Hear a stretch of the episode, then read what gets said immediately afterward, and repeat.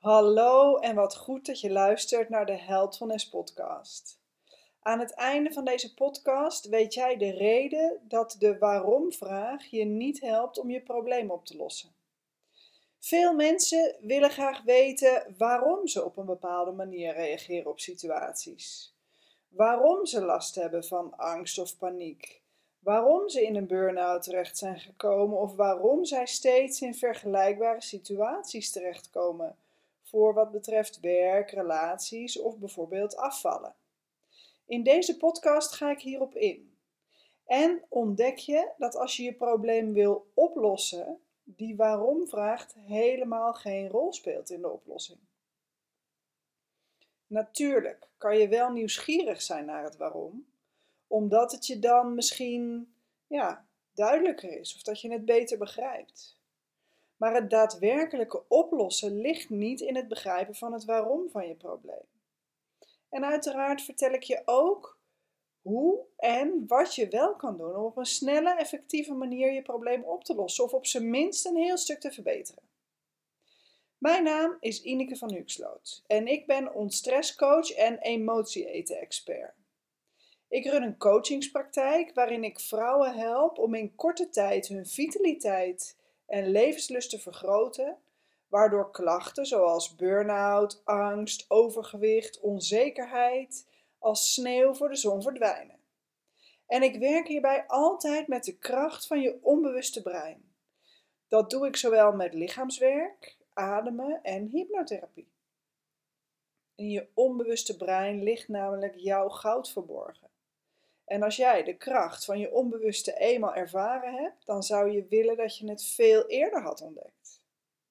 Laten we beginnen. Want als je al meer podcasts van mij geluisterd hebt, dan weet je dat ik graag uitleg hoe je brein werkt. Door welke factoren patronen ontstaan, maar vooral hoe je patronen die je dwars zitten doorbreekt. Want begrijp hoe je brein werkt, maar vooral welke invloed jij hier zelf op hebt, geeft enorm veel rust en controle. En in mijn podcast wil ik je vooral inspireren, maar ook informeren, zodat jij de kracht van je onbewuste brein leert kennen en kan toepassen. En deze podcast gaat dus over de reden dat de waarom-vraag niet helpt bij het oplossen van je probleem. Realiseer je eerst dit. Waarom gaat altijd over het verleden omdat je wil begrijpen waarom je reageert zoals je reageert. En dat gaat dus over het verleden, over situaties die je eerder hebt meegemaakt. En in de toekomst ligt het wat. Wat wil je? Wat zijn je doelen? Wat zijn je dromen? Wat wil je bereiken? En sommige mensen zeggen de toekomst ligt voor je, maar daar ben ik het niet mee eens, want de toekomst is in jou. Jij bepaalt jouw toekomst met jouw keuzes. En misschien maak je bepaalde keuzes nu nog niet door de dingen die je daarbij belemmeren. Dat kan. Belemmeringen oplossen is een keuze. Met je belemmeringen blijven rondlopen is ook een keuze. Binnenkort ga ik daar verder op in met een andere podcast, want dit is weer ook een heel onderwerp op zich. Maar goed, terug naar het oplossen van problemen, van belemmeringen. Je zou kunnen zeggen: het verleden is geweest en dat kan je niet meer veranderen. En je hoort mensen wel eens zeggen dat je ermee moet leren leven. Maar weet dat het echt niet nodig is. Je kan je verleden wel degelijk veranderen. Dat wil zeggen, de feiten kan je niet veranderen, maar jouw gevoel daarover wel.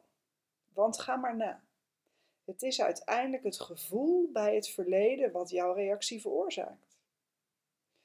Iets dat je op een bepaalde manier raakt, of iets wat je niet op een bepaalde manier raakt, onthoud je meestal niet. Wanneer jij bij een situatie in het verleden geen belangrijk positief gevoel of heftig negatief gevoel hebt, is het niet belangrijk genoeg om het op te slaan. Weet jij bijvoorbeeld nog wat je tien jaar geleden op 3 maart hebt gegeten? Waarschijnlijk niet, want het is geen informatie die invloed heeft gehad op de patronen die je hebt ontwikkeld. Maar als je denkt aan een ontzettend leuke vakantie waar je je grote liefde hebt ontmoet, of aan een heftige situatie die je hebt meegemaakt, dan voel je de bijbehorende emotie ook nu nog in je lijf. Dus in die zin neemt het, neem je het verleden met je mee, ook al is het geweest. Dus hoewel je de feiten van het verleden niet kan veranderen, kan je wel je emotie erbij veranderen. En dat maakt een wereld van verschil in hoe je je voelt en hoe je situaties in het nu beleeft. Het is namelijk enorm helend als je met de zelfredzaamheid van nu een situatie in je verleden kan veranderen. En in mijn praktijk werk ik heel veel met regressie. En dat kan je zien als in gedachten teruggaan in de tijd en daar een verandering maken. En die verandering zorgt er dan voor dat een emotionele wond kan helen en dat geeft heel veel lucht en ruimte. En de feitelijke gebeurtenissen veranderen daarbij niet, maar je gevoel, je perceptie wel.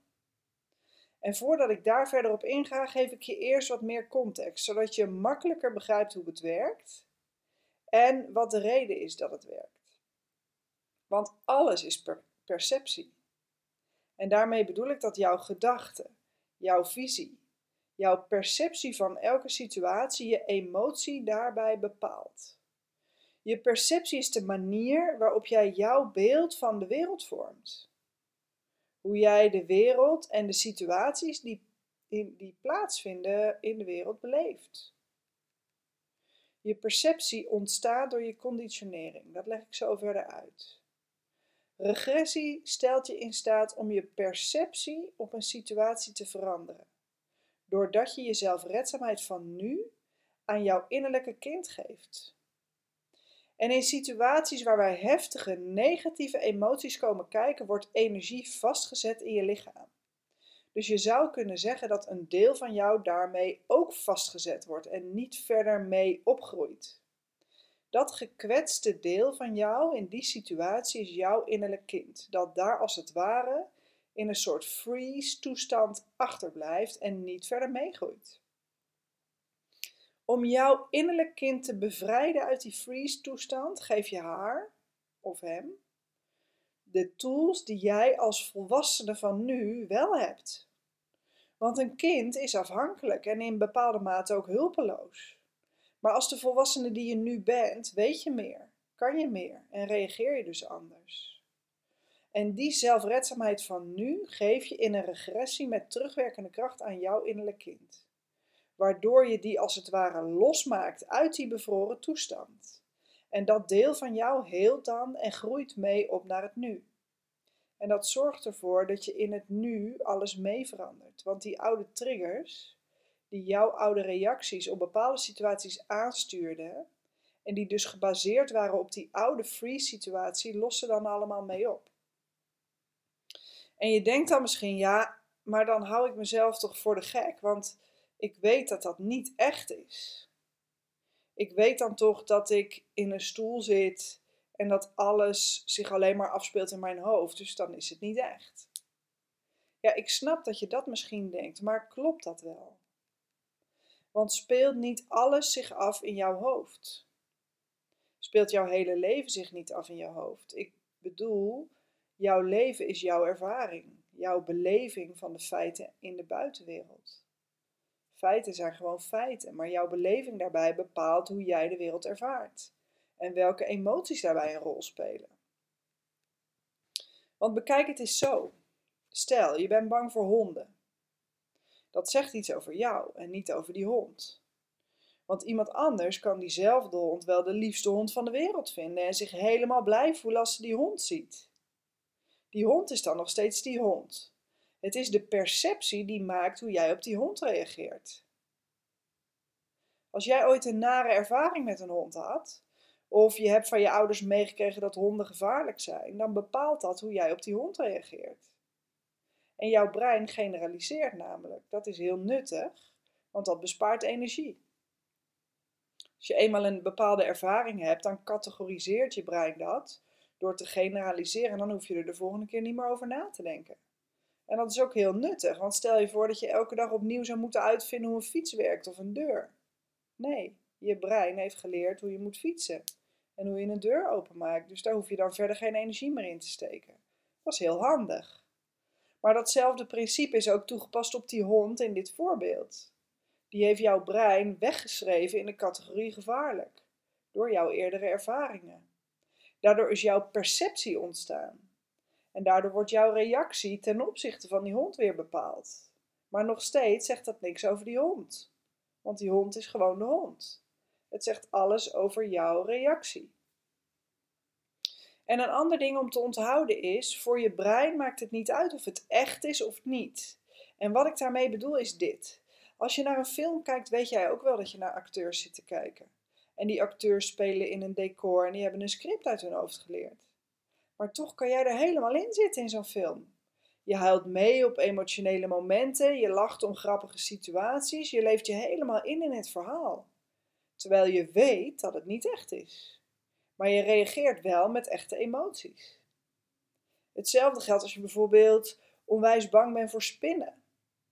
Want als je je dan nu voorstelt dat er een dikke harige spin over je rug loopt, dan reageert je lijf. Misschien krijg je er de bibbers van of trek je een, uh, ja, vertrekt je gezicht.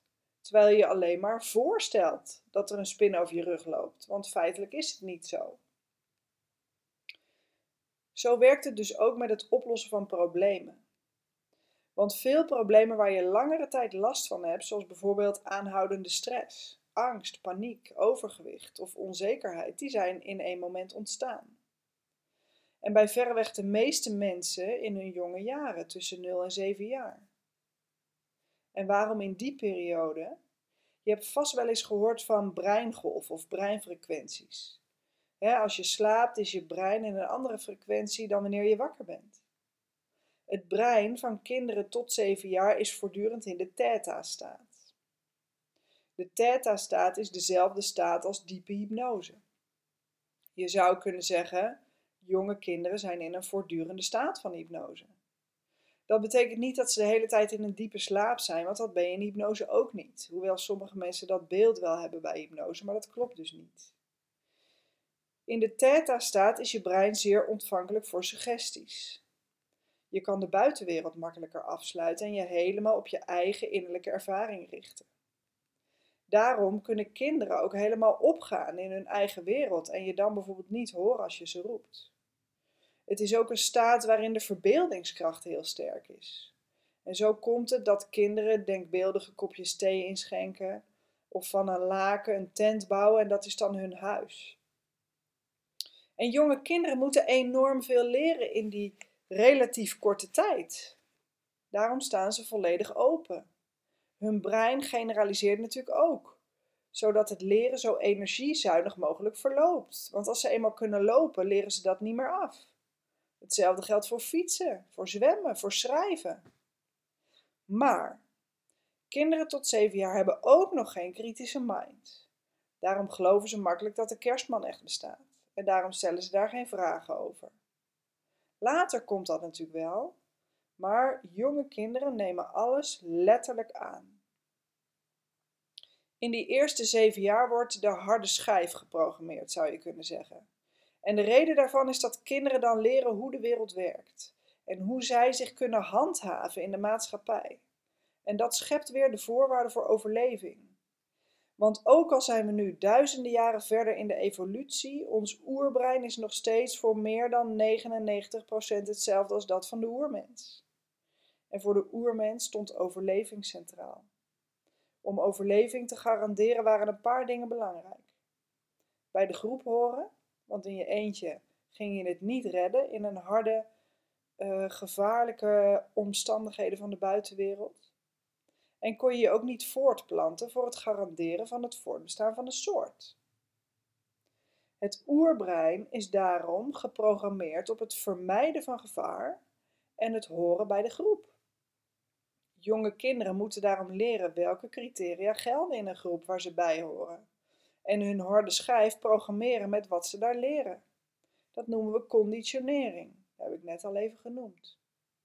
In je jonge jaren word je geconditioneerd door je ouders, leerkrachten, misschien de kerk of je sociale omgeving. Je leert hoe het hoort en welke leefregels gelden.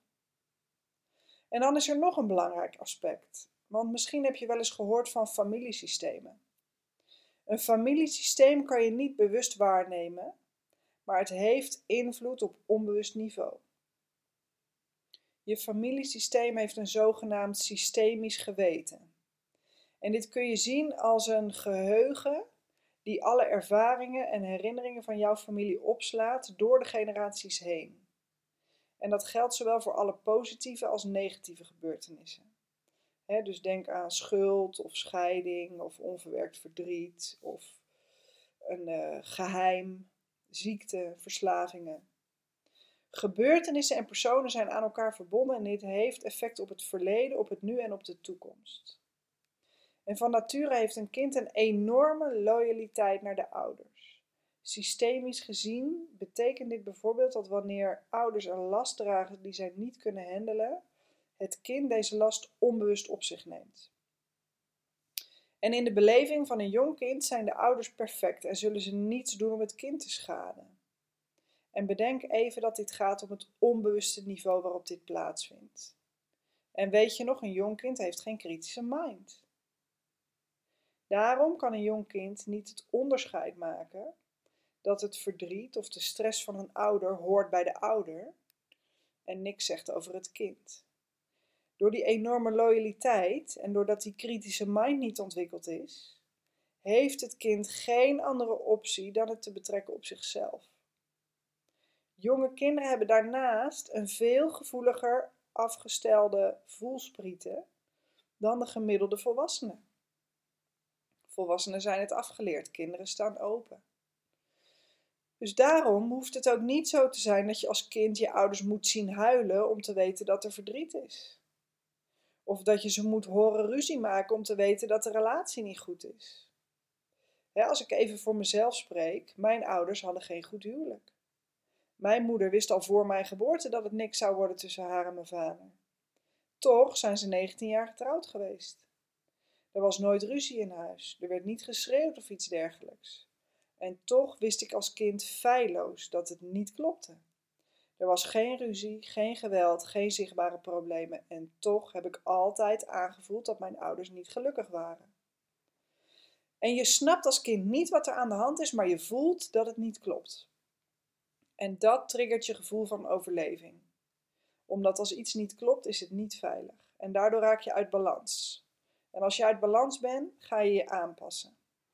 En je hebt geen kritische mind, dus je denkt niet dat het aan je ouders kan liggen.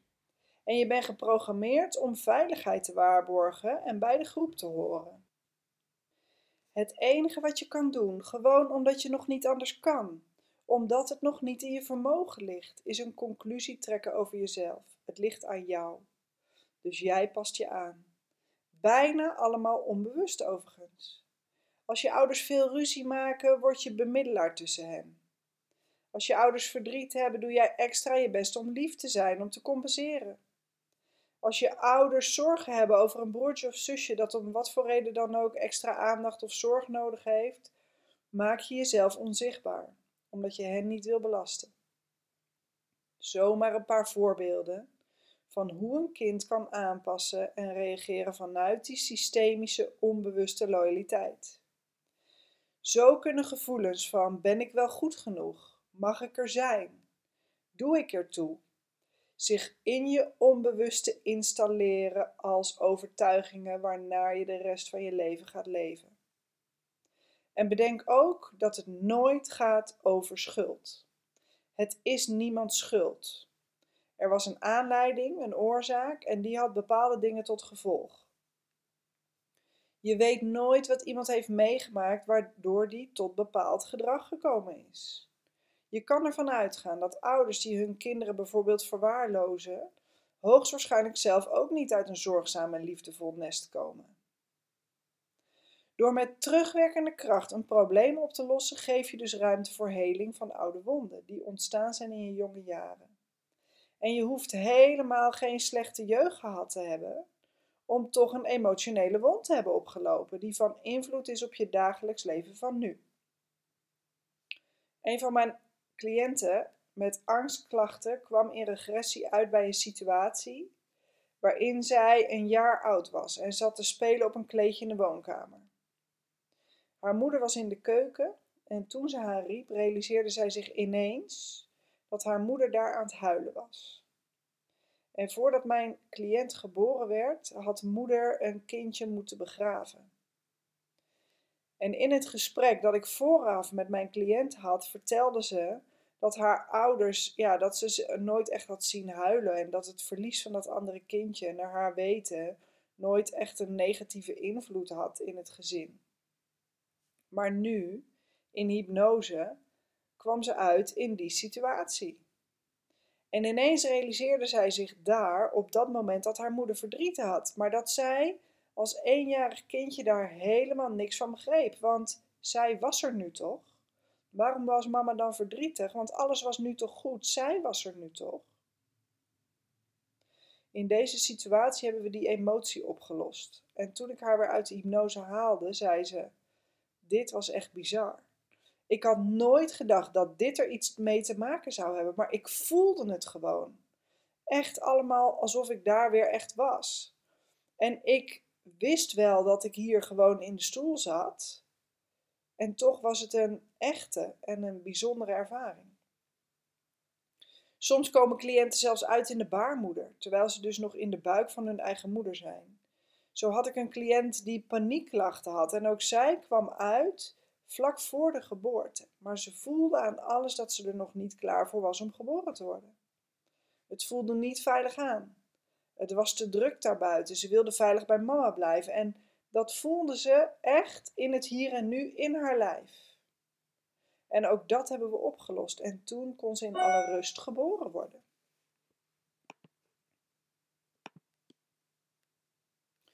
In het gesprek over haar paniekklachten waren we natuurlijk niet uitgekomen in die situatie, want dat bedenk je niet met je bewuste brein. Het is geen herinnering die je even ophaalt en toch kwam ze hier uit. En voelde alle emoties helemaal echt en ervaarde ze een enorme opluchting en een serene rust in haar lijf na de sessie.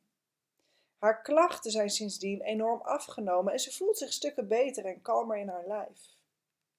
En dit zijn voorbeelden van het oplossen van oude triggers die reacties in het nu aansturen. In een gesprek waren we hier nooit op uitgekomen, want het is geen bewuste herinnering. En het waarom is in dit geval dus ook niet heel relevant. Het is gegaan zoals het gegaan is. En nu is de angel eruit en is het geheeld. De freeze is opgeheven. De cliënt heeft met terugwerkende kracht en met de zelfredzaamheid van nu zelf bepaald wat nodig was in die situatie en dat alsnog aan zichzelf gegeven. Het waarom maakte geen onderdeel uit van de oplossing. Het wat daarentegen des te meer. De cliënt kon bepalen wat ze wilde in die situatie en dat alsnog doen. En die controle geeft rust. En dat maakt dat oud gedrag niet meer nodig is, want het probleem is opgelost. Misschien klinkt het heel vaag voor je. En dat het vaag kan overkomen komt omdat we in deze westerse maatschappij, maar zeker ook in de reguliere gezondheidszorg, vaak lichaam en geest scheiden. Maar lichaam en geest zijn één. In onze maatschappij wordt ratio, analyse, logica, en reden veel meer gewaardeerd dan voelen of intuïtie bijvoorbeeld. Ons onderwijssysteem is bijna volledig gericht op cognitieve functies en laat geen ruimte voor de meer onzichtbare dingen in de wereld, zoals gedachten, intuïtie, gevoel. Maar ja, zwaartekracht kan je ook niet zien en die bestaat ook. Dus ik nodig je uit om nieuwsgierig te zijn nieuwsgierig naar de kracht van je onbewuste brein, omdat daar zoveel meer verborgen ligt dan je nu misschien weet. De meeste van mijn cliënten vinden een eerste sessie altijd spannend, vooral omdat ze zich afvragen wat er precies gaat gebeuren. En tegen iedereen zeg ik altijd: je gaat met een beter gevoel naar huis dan waarmee je binnenkwam. En het eerste wat ik hen daarom altijd laat ervaren is die invloed die ze zelf hebben op hoe ze zich voelen. Want dat geeft zoveel rust en een gevoel van controle. En het is echt geen hogere wiskunde, alleen we leren het niet op school of van onze ouders. En wat je niet begrijpt of wat je niet kent, dat vind je dan vaak vaag of eng. En ook dat is een hele normale beschermingsreactie van je brein. Maar zodra je de kracht van je onbewuste brein eenmaal hebt ontdekt, voel je je enorm bevrijd. Ik zie het elke dag in mijn praktijk en ik voel me immens dankbaar voor al die vrouwen die mij toestaan om hen te begeleiden op hun pad. Als ik zie hoe heftig emotioneel iemand is in de eerste sessie en na een paar sessies gewoon een heel ander mens is geworden. En als je mijn verhaal gehoord hebt in podcast nummer 1 of als je op mijn website mijn verhaal gelezen hebt of de video gekeken hebt, dan weet je dat het mijn missie is om zoveel mogelijk mensen kennis te laten maken met de kracht van het onbewuste brein. Want daar ligt je vrijheid. Daar ligt je ware goud, je transformatie. Waarom weet niemand dit? Was de vraag die ik mijzelf stelde nadat ik zelf een enorme transformatie had doorgemaakt. Ik kan hier nog uren over doorgaan, maar voor deze podcast is het genoeg. Ik hoop dat ik je heb geïnspireerd. Ik hoop dat je wat wijzer geworden bent over hoe het brein werkt en wat dit betekent voor het effectief oplossen van problemen of belemmeringen. Wil je meer informatie, dan kan je die vinden op mijn website www.heldfulness.nl. Heldfulness, fullness is met één L en dubbel S. En als je wil, kan je daar ook een vrijblijvende belafspraak maken als jij wil weten hoe jij jouw belemmeringen in korte tijd kan opruimen. Met de kracht van je onbewuste brein. Daar ligt je goud. Echt, doe het. Gun het jezelf. Voor nu, dankjewel voor het luisteren en zorg goed voor jezelf.